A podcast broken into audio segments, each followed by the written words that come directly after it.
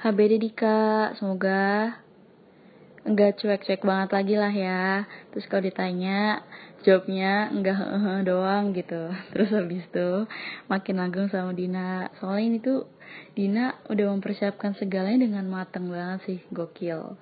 Terus habis itu juga semoga ujiannya sukses terus dapat kuliah yang terbaik. Amin.